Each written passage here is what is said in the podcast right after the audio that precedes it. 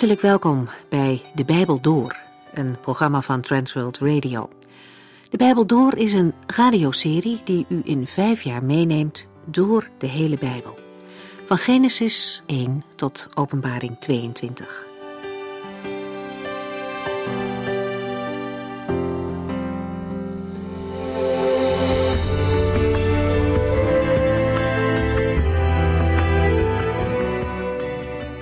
Zijn in deze serie bezig met 1 Samuel, over de geschiedenis van Israëls eerste koning, Saul. In hoofdstuk 11 lezen we over de eerste heldendaad van Saul.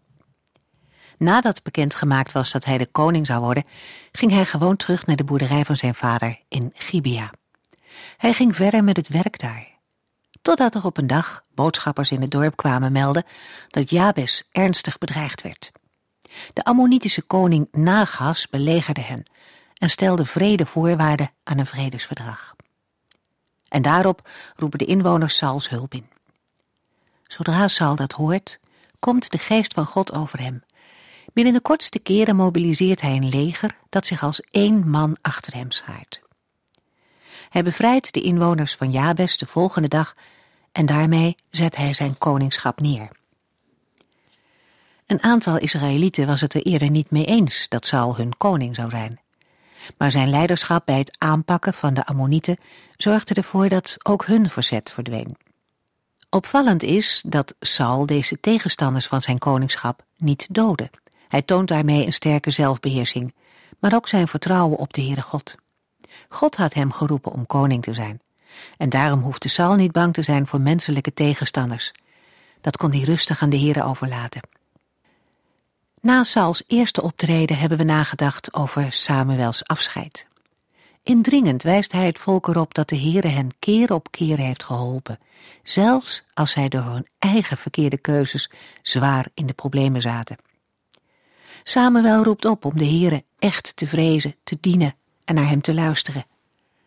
Als het volk en de koning dat doen, zullen ze kunnen leven in de zegen van de Heere. Zelf zal Samuel niet ophouden voor hen te bidden zolang hij leeft en hen voor te houden wat Gods weg is.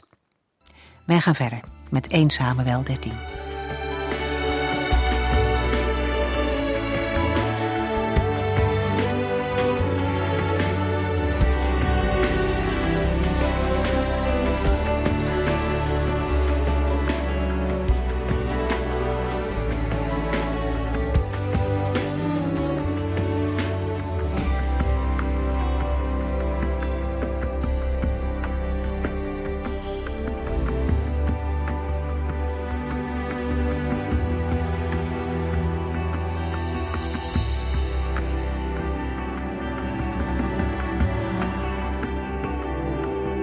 Voorgaande hoofdstukken zagen we dat het koningschap van Saul door de Here werd bevestigd.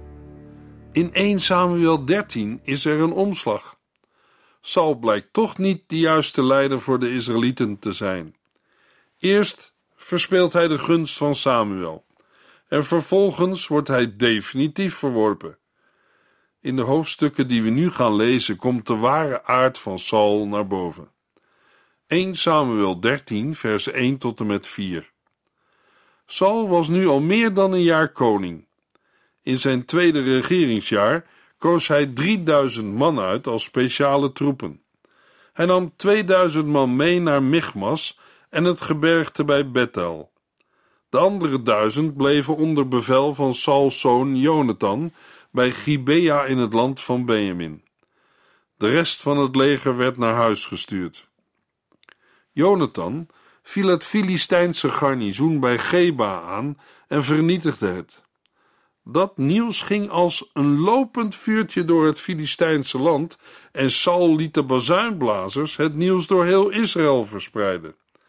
Hij maakte bekend dat hij het Filistijnse garnizoen had vernietigd en waarschuwde dat de Filistijnen uit woede wraak zouden nemen. Zo werd het hele Israëlitische leger opnieuw gemobiliseerd en verzamelde het zich bij Gilgal. 1 Samuel 13 begint met een mededeling over de tijd dat Saul nu koning is. De tekst vermeldt dat Saul zich op het moment dat zijn koningschap in Gilgal werd vernield, in zijn eerste regeringsjaar bevond. Ook wordt meegedeeld dat Saul twee jaar heeft geregeerd. Het is onwaarschijnlijk dat we onder deze twee jaar de periode van zijn zalving tot zijn dood in Betsan moeten verstaan. De gebeurtenissen tussen 1 Samuel 13 en 31 moeten dan in één jaar hebben plaatsgevonden, en dat is onwaarschijnlijk. Het is zelfs mogelijk dat de aanduiding twee jaar onvolledig is en dat een deel van het getal is weggevallen, zodat we aan een periode van bijvoorbeeld 32 jaar moeten denken. Deze veronderstelling is mede gebaseerd op Handelingen 13, vers 21, waar Paulus vermeldt dat Saul 40 jaar koning over de Israëlieten was. Dit zou inclusief de zeven jaar van zijn zoon Isboset kunnen zijn. Daarmee wordt de aanname van 32 jaar vrij aannemelijk. Terwijl Saul zich nog in Gilgal bevindt, maakt hij een begin met de opdracht om de Israëlieten te bevrijden van hun vijanden. Saul is niet in staat het leger van 330.000 man op de been te houden. 1 Samuel 11 vers 8. Hij stuurt het merendeel naar huis. Hij kiest 3000 man uit om paraat te blijven en met vijanden het gevecht aan te gaan. 2000 man nam hij mee naar Michmas en het gebergte bij Bethel.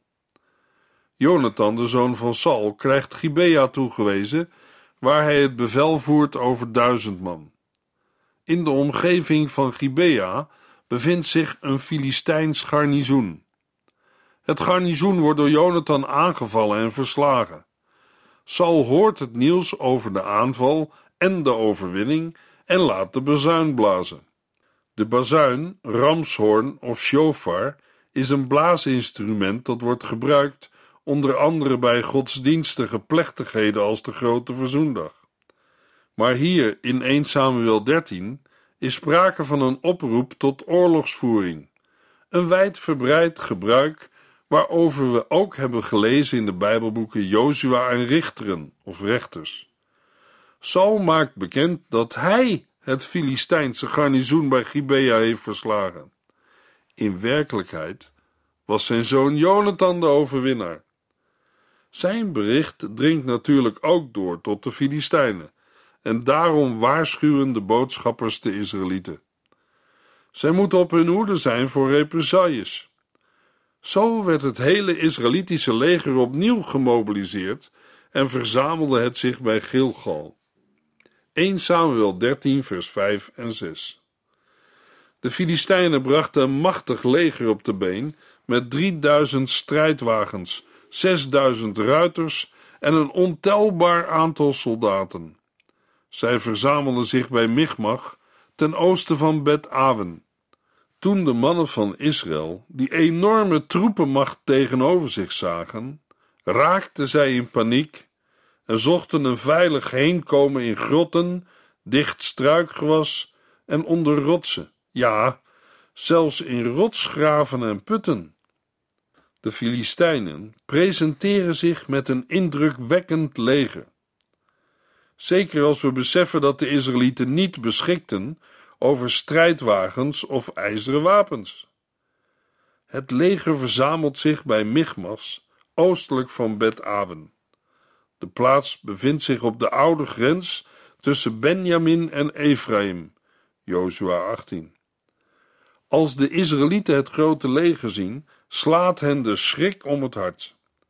Zij verschuilen zich overal, tot zelfs in graven en waterputten toe. Sommigen trekken zelfs de Jordaan over naar het gebied van Gad en Gilead. 1 Samuel 13, vers 8 en 9. Samuel had Saul eerder gezegd dat hij zeven dagen op zijn komst moest wachten. Maar toen hij niet kwam opdagen en Sauls leger steeds verder slonk, besloot Saul het brandoffer en de vredeoffers zelf te brengen. Overeenkomstig de opdracht die Saul bij zijn troonbestijging kreeg, moest hij in Gilgal zeven dagen op Samuel wachten. De afspraak was dat Samuel op die plaats brand- en slachtoffers zou brengen. Maar de profeet komt niet opdagen en voor veel soldaten is het wegblijven van Samuel een reden om hun koning te verlaten. Saul besluit iets te doen waardoor hij zijn leger bij elkaar denkt te kunnen houden. Daarmee gaat Saul weer in de fout. Hij matigt zich aan dat hij, vanwege zijn positie als koning, het brandoffer en de vredeoffers zelf wel kan brengen. Daarmee gaat hij voorbij aan de uitdrukkelijke instructies van de Heere. Alleen een priester uit de stam Levi mocht een brandoffer brengen. 1 Samuel 13, vers 10 en 11. Net toen hij het brandoffer had gebracht, verscheen Samuel. Saul ging hem tegemoet om hem te begroeten. Maar Samuel vroeg: Wat hebt u nu gedaan? Saul antwoordde: Ik zag dat steeds meer mannen mij in de steek lieten en dat u later arriveerde dan dat u had gezegd. En ondertussen liggen de Filistijnen al bij Michmas en ze zijn klaar om aan te vallen. Saul verlaat de offerplaats en gaat Samuel tegemoet om hem te begroeten. Deze vraagt Saul wat hij heeft gedaan. Op die vraag begint Saul zich te verontschuldigen en legt hij uit voor welk probleem hij stond. Saul spreekt uit dat hij de gunst van de Heere niet kan missen. 1 Samuel 13 vers 12 Ik dacht bij mezelf, de Filistijnen zijn klaar voor de strijd en ik heb nog niet eens de hulp van de Heere gevraagd. Toen voelde ik mij gedwongen het brandoffer te brengen zonder op u te wachten. Bij Saul winnen menselijke overwegingen het van gehoorzaamheid aan de Heere. Daarbij kunnen wij denken aan het doel heiligt de middelen.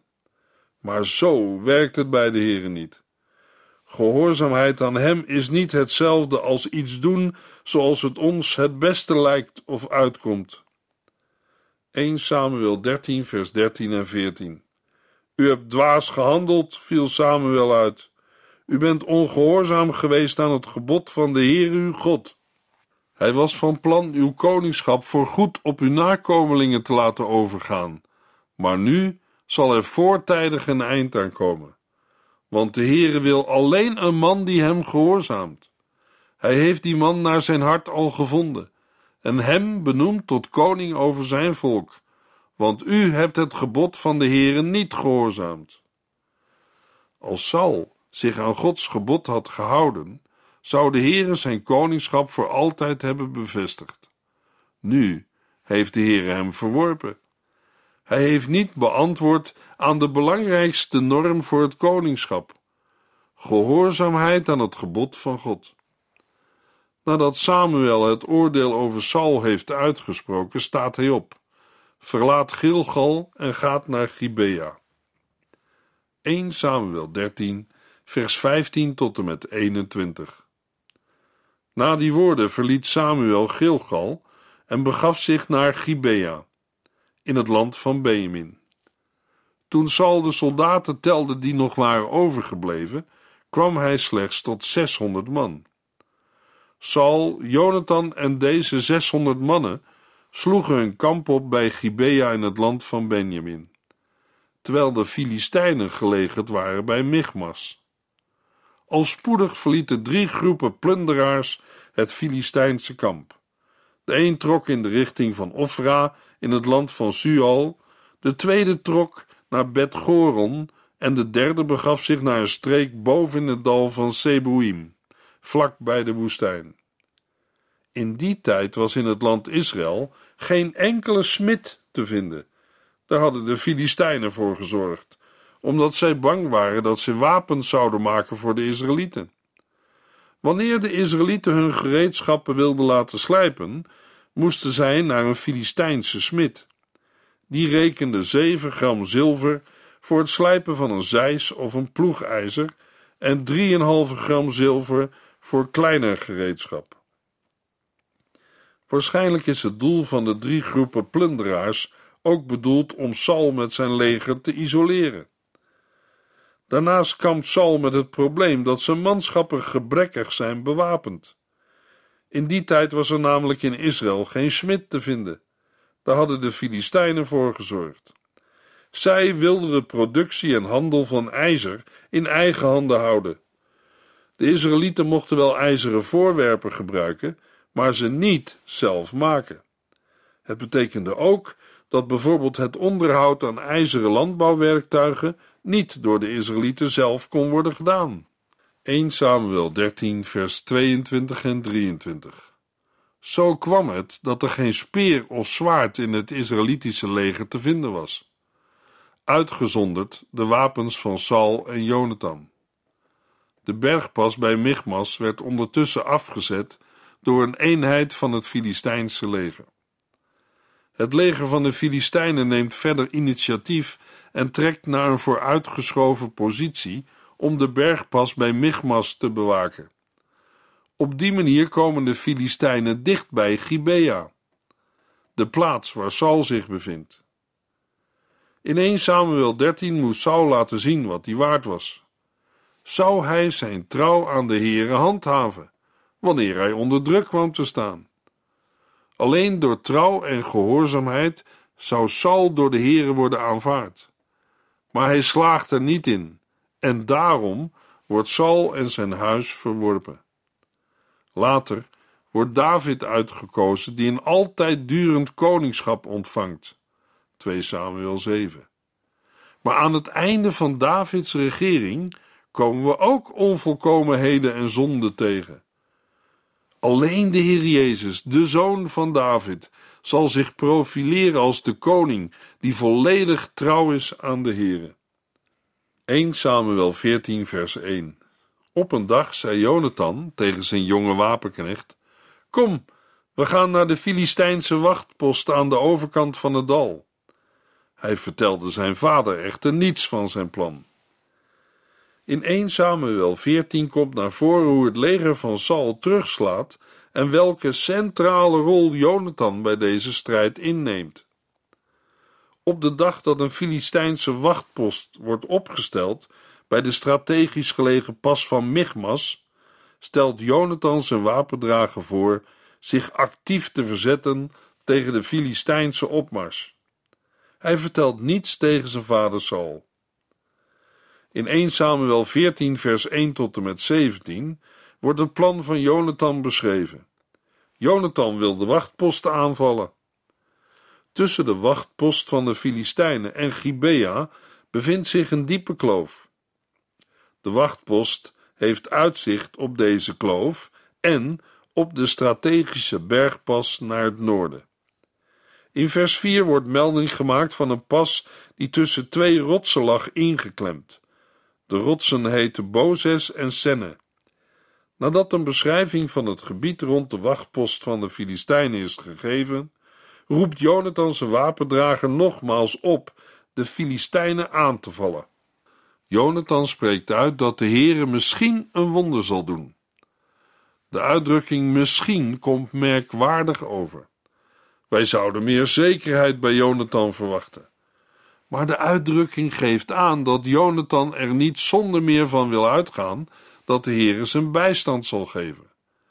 Ten slotte zegt Jonathan dat de Heere zowel door velen als door weinigen kan verlossen.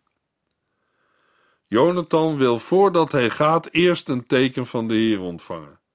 Daaruit moet duidelijk worden of hij wel of niet moet gaan.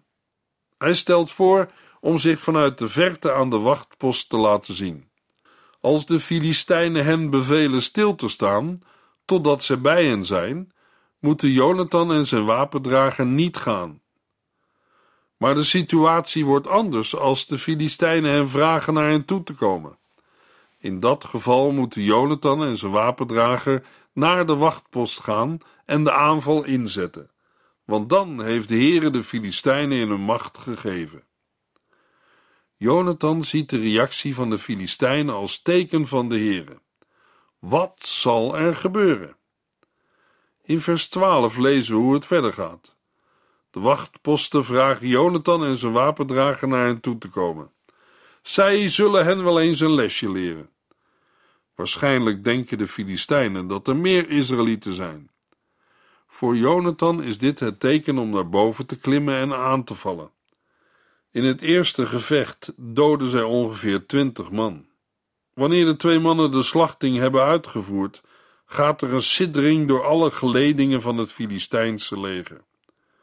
Op dat moment laat de Heere de aarde beven, waardoor de angst van de Filistijnen nog groter wordt. Na de overwinning die Jonathan en zijn wapendrager hebben behaald, richt de aandacht zich opnieuw op het legerkamp van Saul in Gibea. De uitkijkposten van het legerkamp zien dat de Filistijnen in paniek heen en weer rennen en vluchten. 1 Samuel 14, vers 17. Zoek eens uit wie wij hier missen, beval Saul. En na een snel onderzoek kwamen zij erachter dat Jonathan en zijn wapenknecht ontbraken. 1 Samuel 14, vers 17 tot en met 23. Zoek eens uit wie wij hier missen, beval Saul. En na een snel onderzoek kwamen zij erachter dat Jonathan en zijn wapenknecht ontbraken. Breng de ark van God hier, riep Saul priester Agia toe. Want de ark van God was op dat moment bij het volk Israël. Terwijl Saul met de priester stond te praten, werd het geschreeuw en tumult uit het Filistijnse kamp steeds luider, zodat Saul tegen de priester zei: Trek uw hand terug en blijf waar u bent.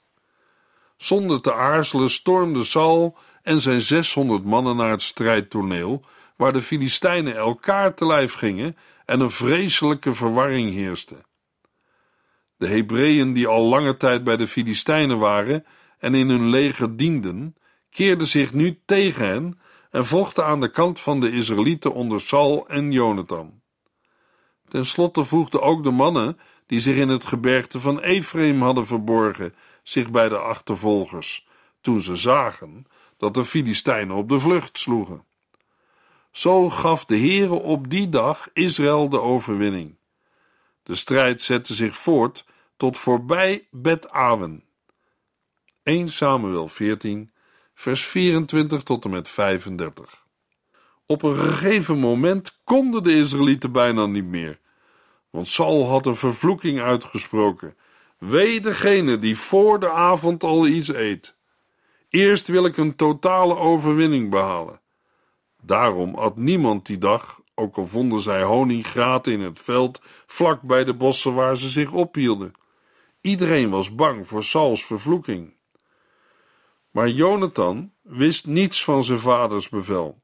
Hij stak een stok in een honinggraat en nadat hij van de honing had gegeten, voelde hij zich een stuk beter. Iemand vertelde hem echter: Uw vader heeft een vloek uitgesproken over ieder die vandaag zou eten, en daardoor zijn alle mannen moe en zwak geworden. Hoe kan hij zoiets zeggen? riep Jonathan uit.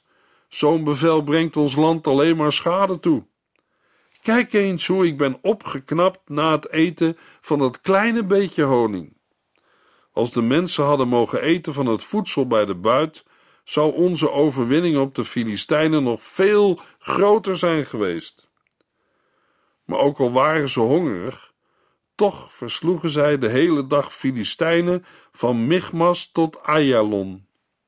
Ze voelden zich echter steeds meer verzwakken. Daarom stortten zij zich tenslotte op de buit en slachten de schapen, ossen en kalveren en aten het vlees rauw op terwijl het bloed er nog in zat.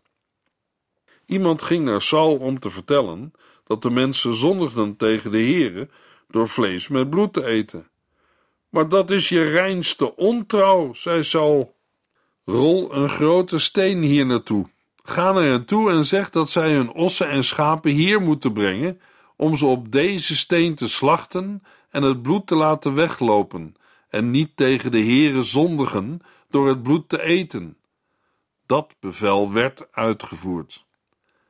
Het was een dwaas bevel dat Saul had uitgevaardigd. De mannen waren moe. Ze hadden een veldslag geleverd en gewonnen. Ze moesten iets eten. Wanneer het avond wordt, is het volk vrij om te eten. De uitgeputte mannen van Israël richten hun aandacht nu op de dieren van de vijand, die buit zijn gemaakt. Ze nemen de schapen, runderen en kalveren en slachten de dieren zomaar op de aarde. De manschappen eten de dieren met bloed en al. Het eten van bloed, ook van dieren die niet leeggebloed zijn, is streng verboden voor de Israëlieten. Zij moeten de dieren slachten op de grote steen en zo voorkomen dat ze verder zondigen. De mannen brengen al het vee naar de door Saul aangewezen grote steen. Daarna bouwt Saul een altaar. 1 Samuel 14 vers 35 Saul bouwde een altaar voor de Heere, zijn eerste.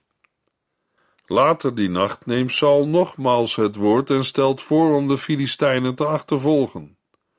Tot het ochtendgloren wil hij plunderingen uitvoeren onder zijn vijanden, en hij stelt zich ten doel dat niemand van hen overblijft.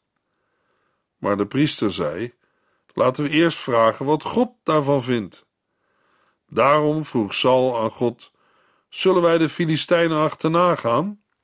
1 Samuel 14, vers 36 tot en met 39. Zult u ons helpen hen te verslaan? Maar de Heere gaf hem geen antwoord. Toen zei Saul tegen de leiders: Er is iets mis. Wij moeten erachter zien te komen welke zonde vandaag is begaan. Ik zweer bij de naam van God die Israël redde, dat de schuldige zal sterven, ook al is het mijn eigen zoon Jonathan. Maar niemand wilde hem iets vertellen. De soldaten wisten dat Jonathan van de honing had gegeten, maar niemand wilde Saul iets vertellen. In de slotversen van 1 Samuel 14 wordt duidelijk dat het zover komt dat Saul zijn zoon Jonathan wil doden, omdat hij van de honing heeft geproefd. Maar zijn soldaten zijn het daar niet mee eens. Ze roepen: Daar komt niets van in. Ze zeggen ook: Want God heeft hem vandaag gebruikt om een machtig wonder te doen. Zo redden zij Jonathan van de dood. En Saul?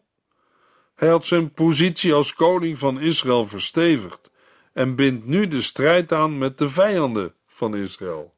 In vers 48 lezen we: Hij verrichtte grote daden overwon de Amalekieten en bevrijdde Israël van al degenen die haar in het verleden hadden aangevallen. 1 Samuel 14 sluit af met een beschrijving van de goede daden die Saul, ondanks zijn zonden, heeft verricht voor de Israëlieten. Al eerder is onbekwaamheid van Saul gebleken en ging hij zijn eigen weg zonder de Here te raadplegen. Samuel heeft hem aangezegd dat hij geen altijd durend koningschap zou krijgen. En daarmee is de geschiedenis van Saul in een impasse geraakt. In het volgende hoofdstuk wordt de betrouwbaarheid van Saul opnieuw beproefd. We gaan het lezen en horen in de volgende uitzending over 1 Samuel 15.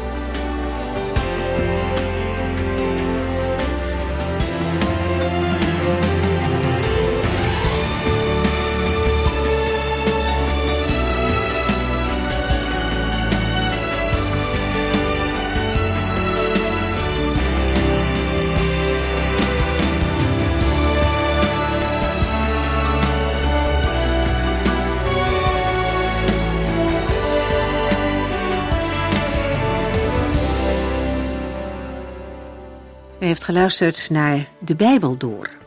In het Nederlands vertaald en bewerkt door Transworld Radio.